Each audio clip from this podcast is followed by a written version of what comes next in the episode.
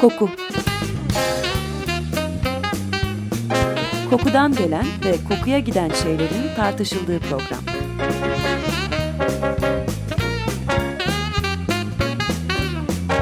Hazırlayan ve sunan Vedat Ozan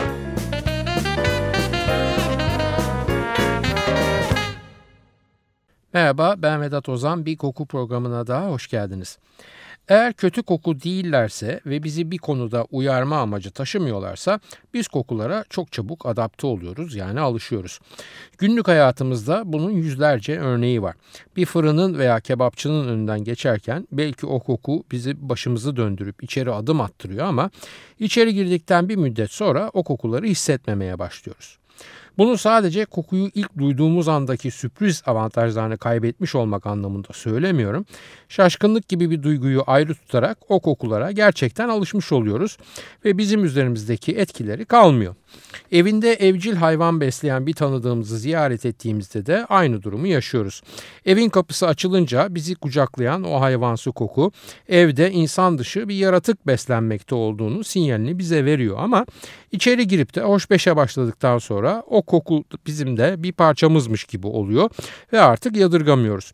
Hele ki evin sahipleri zaten evlerinden neredeyse böyle bir koku yayıldığının farkında bile olmayacak kadar o kokuya uyum sağlamış oluyorlar. Kısaca bir kokuyu algılama süremiz uzayınca algılanan yoğunluğun azalması gibi bir durumla karşı karşıya kalıyoruz. Bunun tam tersi de elbette geçerli. O uyum sağlamış ve adapte olduğumuz kokulu ortamdan bir süre ayrı kalsak yeniden ortam içine girdiğimizde kokuyu tekrar fark etmeye başlıyoruz. Yani hem o kokunun var olduğu hem de o kokunun varlığının söz konusu olmadığı ortamlarda süre geçirmemiz halinde burnumuzun buna uyum sağlaması söz konusu. Bu duruma adaptasyon veya uyum diyoruz. Sadece koku değil bütün duyularımız için geçerli bir durum. Bir duyumuza ilişkin uyarıya uzun süre ve yoğun olarak maruz kalırsak duyarlılığımızda o uyarana ilişkin bir uyum sağlama durumu oluyor. Işıklı bir ortamdan karanlık bir ortama geçtiğinizi düşünün. Belki de ilk başta o ortamdaki masa sandalye Allah ne verdiyse bir çarpıyorsunuz ama bir süre geçtikten sonra o nesneleri ayırt etmeye başlıyorsunuz. Yok karanlığa hiç alışamıyorsanız zaten bir sorun var demektir ve bu soruna da gece körlüğü yani niktalopya deniyor. Böyle bir rahatsızlığınız yok diyoruz ve tam o karanlık ortama hakim olmaya başladığınızda sizi oradan dışarı çıkarıyoruz. Bu kez de aydınlık ortamda gözleriniz kamaşıyor veya gözlerinizi kısıyorsunuz ya da ellerinizle maskeleme yapıyorsunuz gözünüze. Müzik veya ses için de aynı durum söz konusu. Sessiz bir yolculuktan sonra çoktan başlamış bir metal konseri ortamına girdiğinizde iç kulağınıza ulaşmaya çalışan titreşimler orta kulak kaslarınızın sıkışmaya başlaması sonucu ufak ufak filtreleniyor. Bu duyunuzun savunma amaçlı filtre olayı sonrasında ilk başta ne oluyorum ya deseniz bile sahnedeki grup daha ikinci parçaya geçerken o şok etkiden uzaklaşmış olduğunuzu fark ediyorsunuz. Keza konseri aniden terk etseniz ve sizi sessiz bir odaya alsak Başta sesleri biraz buğulu duyuyorsunuz ama az bir süre geçince arkadaşınızın söyledikleri daha net anlaşılmaya başlanıyor. Tabii ki her iki durumda geçici durumlar ve belli bir alışma süresi sonunda ki bu süre kaynak duyunun yoğunluğuyla orantılı bir süre o süre sonunda ortam size doğallaşmış oluveriyor. Kokuya adaptasyonumuz da elbette diğer duyularımıza benzer bir şekilde gelişiyor. Hatta koku duyumuzun en çabuk adapte olan duyumuz olduğunu da rahatlıkla söyleyebiliriz. İki ayrı uyum tanımımız var kokuya adaptasyonla ilgili.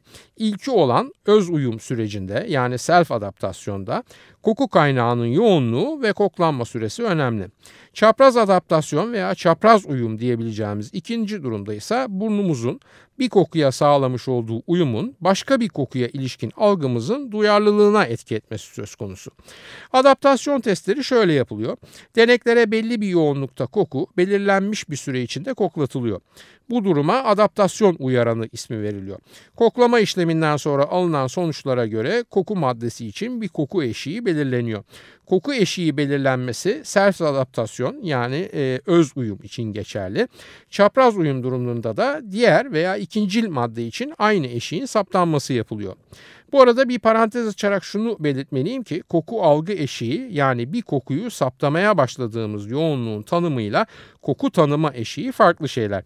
Bir kokunun varlığını hissedebiliriz ancak bu onu tanımlayabiliyor olduğumuz anlamına gelmez. Peki koku algılama eşiğimiz tam olarak ne demek? Efendim bir toplumun en az %50'si tarafından o kokunun algılanmaya başlandığı en düşük değeri o kokunun algı eşiği olarak kabul ediyoruz. Bu değer formüle yazılırken 1 metreküpte bir koku birimi olarak tanımlanıyor. Koku algı işini saptamak çok da basit bir olay değil tabii ve gelişmiş analiz cihazları gerektiriyor. Yani bir kağıda kokuyu emdirip deneyim burnuna çeşitli mesafelerden tutarak bu sonuca sağlıklı olarak varmamız imkansız. Bunun için kullanılan aletlere olfaktometre diyoruz. Daha önceki yayınlardan birinde olfaktometreden bahsetmiştim. Bugün biraz daha anlatayım. Olfaktus latince koku demek, metron da Yunanca'da ölçüm. Adından da anlaşılabileceği gibi olfaktometre koku ölçen alet demek. Aleti 1888 yılında icat eden gene bahsettiğim eski yayınımızda tanıtmış olduğumuz Henrik Zwardemaker. Tabi Zwardemaker'in olfaktometresinin üzerinden çok su aktığı ve bugünkü bir olfaktometre ile yan yana getirdiğinizde baya baya iptidai bir alet gibi görünüyor. Ancak şunu akılda tutmakta fayda var. Aradan 100 yıldan fazla zaman geçse de prensip ve sonuç çıkarımı aynı eski veya yeni olfaktometrenin. İki tipi var olfaktometrelerin. İlk tipine yapay burun da diyebiliriz. Zira bu tip olfaktometreler kokuyu saptamak üzere tasarlanmış aletler. Hatta insan burnunun saptayamadığı ancak ortamda mevcut koku moleküllerini de saptayabiliyorlar. Bu tip olfaktometreler genelde elde taşınabilen aletler oluyorlar ve küçük filtrelerden havanın geçmesi ve analiz edilmesi prensibine dayalı çalışıyorlar. Kokulu madde saptandığında alet bir alarm veriyor veya bir yazılı çıktı sunabiliyor. Bu aletlerin elbette duyarlılığı da ayarlanabiliyor veya sadece bazı koku kaynaklarını saptamak üzere önceden müdahale edilebiliyor. Bu tip olfaktometreler nerede kullanılıyorlar? Çok geniş kullanım alanları var ama örnek olması için mesela madenlerin yakınında veya kimyevi madde üreten tesislerin çevresinde konuşlandırılıyorlar ki havadaki koku molekül hareketlerinin değişiminden hareketle bizi olağan dışı bir şeyler olmakta olduğuna dair uyarabilsinler.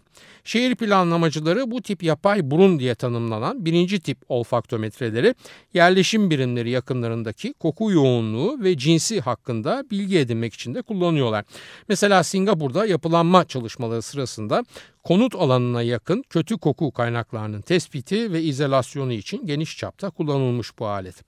İkinci tip olfaktometreler ise bugünkü yayınımızın konusuyla daha yakından ilgili olan tip yani bir insanın koku alma yetisinin ölçümlenmesinde kullanılan aygıtlar. Bu aletleri ise klinik ortamlarda ve araştırmalarda kullanıyoruz. Başında mutlaka bir operatör oturuyor ve salınım ayarları ile ilgileniyor. Bu alet sayesinde kişinin koku alma yetisi hakkında fikir sahibi olabiliyoruz. Koku alma yetisindeki olağan dışı bir değişim başta tümör olmak üzere pek çok tıbbi durumun habercisi olabiliyor ve bir doktor olfaktometre sayesinde bu sorunun farkına varıp ona göre tedbir ve tedavi geliştirebiliyor. Olfaktometreler tabii ki çok ucuz aletler değiller. Bir kere hassas olmaları gerekiyor ki bu da ince bir üretim süreci demek. Ayrıca filtre ve diğer bazı parçalarının sürekli değişmesi lazım ki dış faktörlerin sonuca etki edip bizi yanıltmasının önüne geçilebilsin. Peki sadece iyi ve hassas bir olfaktometre ölçüm yapmak için yeterli mi? Hayır kesinlikle değil. İstatistiksel bilgiyi de işlemeyi çok iyi bilmemiz ve standart sapmaları doğru tanımlamamız lazım. Bu tip deneylerde çok sık görülen bir durum var ve bu duruma mesela yanlış alarm durumu deniliyor. Denek hiç kokusuz bir örnek koklatıldığında sanki koku varmış gibi beyanda bulunabiliyor. Veya tam tersi kokulu bir örneği bu kokmuyor ya diye etiketleyebiliyor. Bunlar bir deneyin olmazsa olmaz sapmalarından ve doğru hesaba katılmazlarsa elbette sonuca olumsuz etki ediyorlar. Başka neler gerekli doğru ölçüm yapmak için? Evet doğru bildiniz ortamın koku anlamında steril bir ortam olması gerekiyor.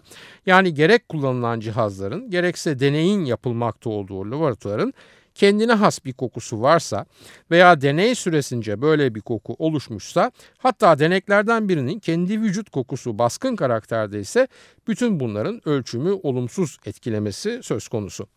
Tabi olfaktometrelerdeki teknik gelişmeyle bu sapmaların bir nebze de olsa önüne geçilmeye çalışılıyor. Öncelikle kokusuz malzemeden imal ediliyorlar ve aletin koku salınımı da son derece hassas miktarlarda olabiliyor ki kesirler bile ölçülebilsin. Burnunuzu dayayarak değil burnunuzun içine sokulan minik teflon tüpler vasıtasıyla burun yapınızdaki bir sebepten dolayı hava akımının doğal olmaması yani düzgün soluyamama halinizin de önüne geçilmeye çalışılıyor. Bütün bu saydıklarım fark etmişsinizdir ki bayağı bir laboratuvar ve malzeme yatırımı gerektiren olaylar. Bu kadar paranız yoksa deney yapamaz mısınız? Yok elbette yaparsınız. Yaparsınız da koku alma hassaslığını ölçemez başka deneyler yaparsınız. Koku isimlendirme ve hatırlatma testleri falan yapmak için olfaktometreye ihtiyacınız yok ve kağıt striplerle işinizi rahatlıkla götürebilirsiniz. Bir kahve molası verelim ve devam edelim efendim. Vilya Lavo ve Natalia Avalon'dan bir Summer Wine yorumu dinliyoruz. Strawberries, cherries and an angel's kiss in spring My summer wine is really made from all these things.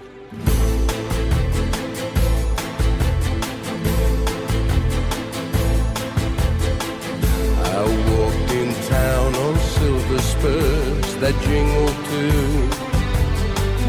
A song that I had only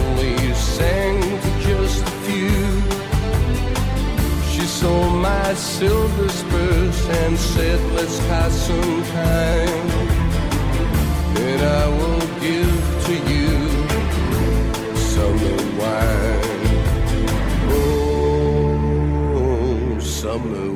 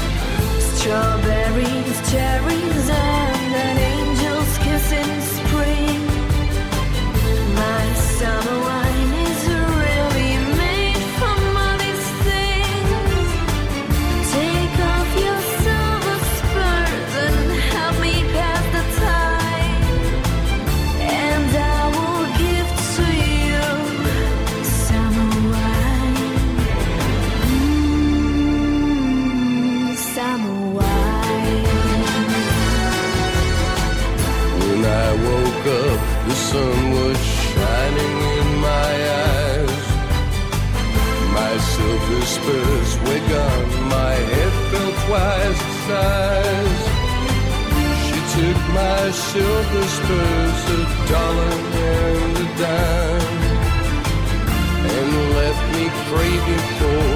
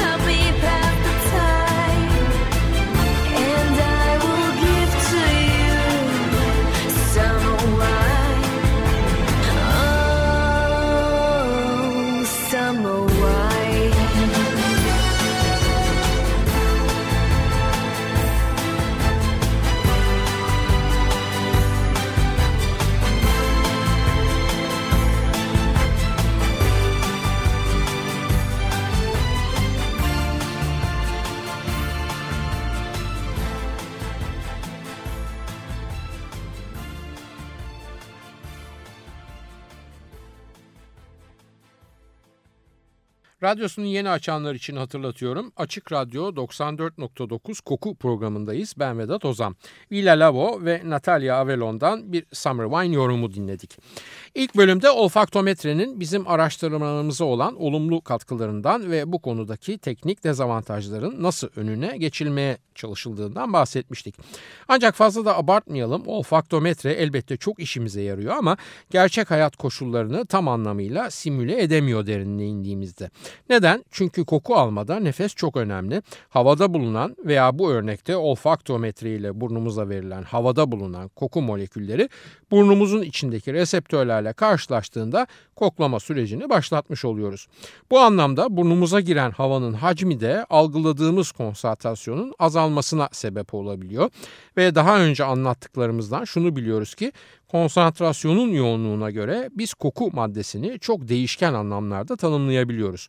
Bu değişkenlik de hoş kokudan kötü kokuya kadar geniş bir spektrum içinde olabiliyor. Ya çok detaya indin sen de demeyin lütfen bana. Bunu dememeniz için hemen birkaç bilgi vereyim bu konuyla ilgili ve nefes koku ilişkisinin öneminin takdirini de size bırakmış olayım müsaade ederseniz. Efendim çoğu kez kısa bir koklama eylemi kokuyu almamıza yetiyor. Maddenin kokusu kuvvetliyse mesela acı badem, nane veya karanfil gibi bir koku kaynağı ise en kısa nefes süresinde bile tanımlayabiliyoruz neyi kokladığımızı. Ancak en kısa süre derken bu 400 milisaniye den daha fazla kısalamıyor. Zira bu durumda nefes alma ile ilgili alenen teknik sorunlar oluşmaya başlıyor. Ancak genelde bunu hissetmiyoruz ve eğer koku algı seviyemizin üzerinde bir koku kaynağı söz konusuysa bunu kısa bir nefes almayla halledebiliyoruz. Elbette bunun tam tersi durum da söz konusu. Yani bizim koku algı sınırımızda bulunan bir maddenin kokusunu alabilmek için nispeten daha derin ve uzun koklamamız gerekiyor. Bu nefes ilişkisinin bir de tepki tarafı var.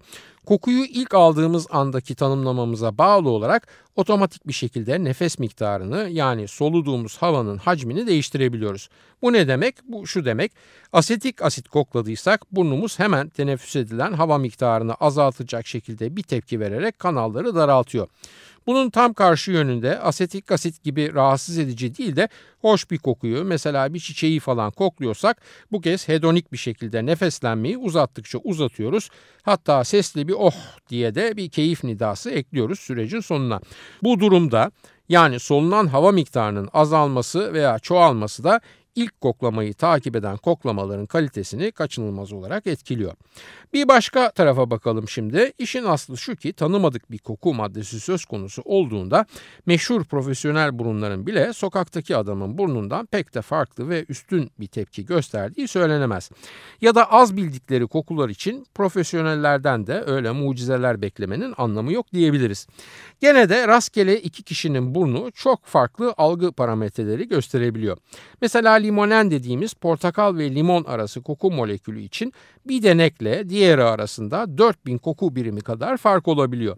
Ama koku kaynağı değişip limonen yerine toluen kullandığımız zaman bu fark değer olarak 5 koku birimine kadar düşebiliyor. Toluen bildiğiniz gibi benzene yakın zehirlilik içeren bir madde. Düşük seviyede koklanıldığında yorgunluk, zayıflık, hafıza kaybı, sarhoşluğa benzer bir durum yaratıyor. Ancak yüksek miktarını direkt soluduğunuzda dayanılmaz uyku verebiliyor, bilinç kaybı hatta ölüme yol açabiliyor. Nerede duyuyoruz toluen kokusunu en fazla? Evet tinerlerin içinde duyuyoruz. Sokaktaki garibanlar da işte o üstüpiye veya beze tiner damlatarak solunumu azaltıp sarhoşluk verme halinden istifadeyle kendilerini başka dünyalarda bulmaya çalışıyorlar. Tam burada başta anlattığımız uyum yani adaptasyon konusuna dönersek şunu diyebiliyoruz. Kötü veya tehlikeli kokulara çok daha hızlı tepki veriyoruz. Ancak bunun karşılığında o kokulara adaptasyonumuz da aynı derecede hızlı olabiliyor. Az önce bahsettiğim limonendeki algı farkı gibi farkların neden olduğunu dört dörtlük bilemiyoruz. Ancak kuvvetli denebilecek tahminler yürütebiliyoruz. Evrimsel bir bakış açısıyla baktığımızda bize tehlike sinyali taşıyan kokular söz konusu olduğunda birbirlerimiz arasındaki algı farkı oldukça aza inebiliyor. Hepimiz içgüdüsel olarak böyle bir tehlikeyi saptama konusunda programlanmış durumdayız. Ayrıca bu tip tehlike sinyalleri içeren kokularda Çok yüksek bir yoğunluğa da gerek yok. Bu da demek ki bu durumlarda koku algı eşiğimiz oldukça düşük ve duruma hemen uyanıveriyoruz. Hatta tehlike sinyalini direkt taşımayan ancak tehlikeli olabilme şansını barındıran maddeler içinde aynı durum söz konusu ve hemen uyanık birer birey oluveriyoruz böyle bir durumla karşılaştığımızda. Kokunun yoğunluğunun gücü ve koklanma süresinin uzunluğu söylemeye gerek yok ki bizim koku algı eşiğimizin yükselmesine neden oluyor.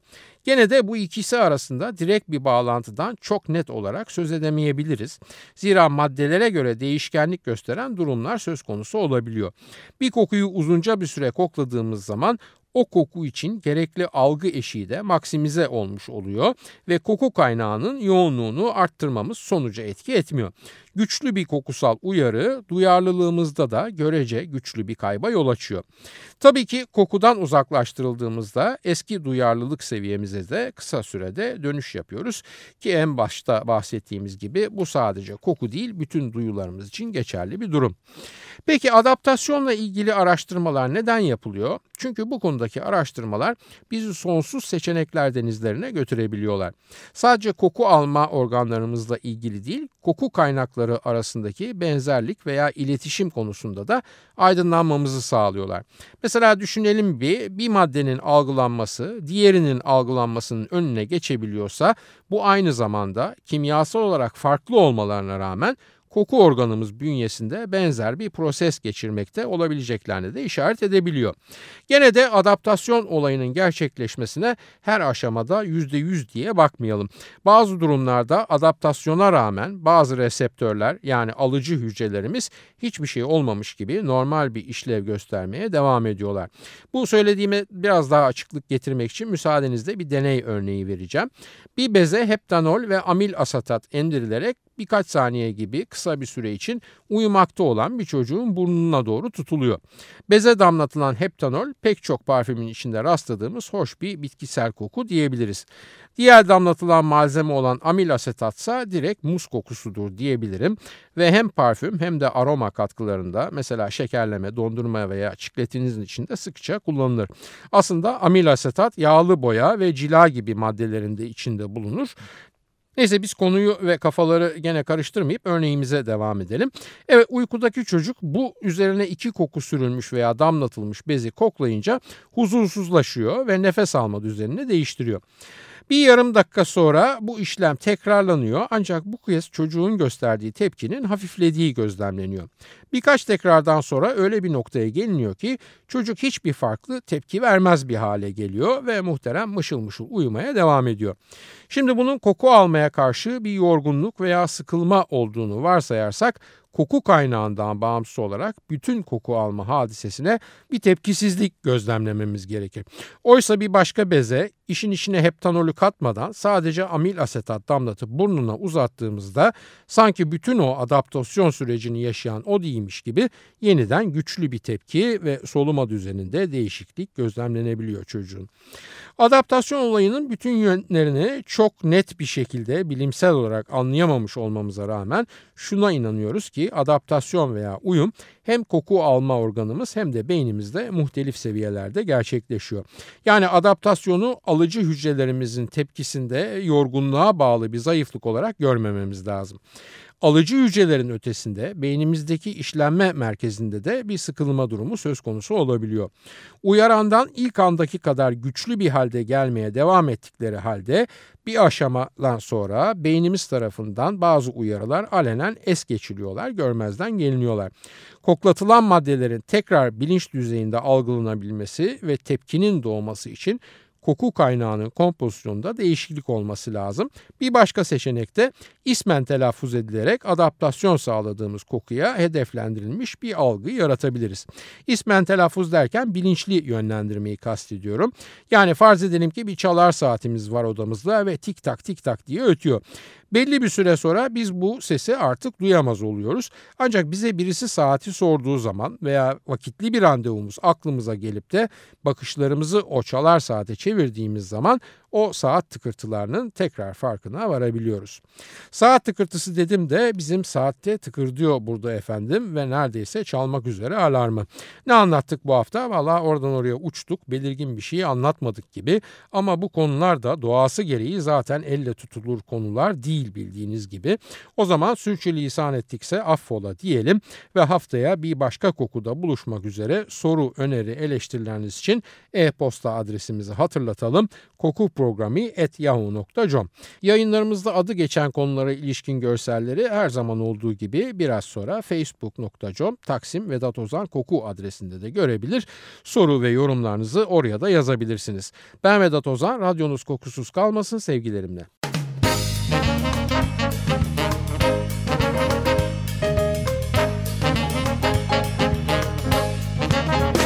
Koku Kokudan gelen ve kokuya giden şeylerin tartışıldığı program.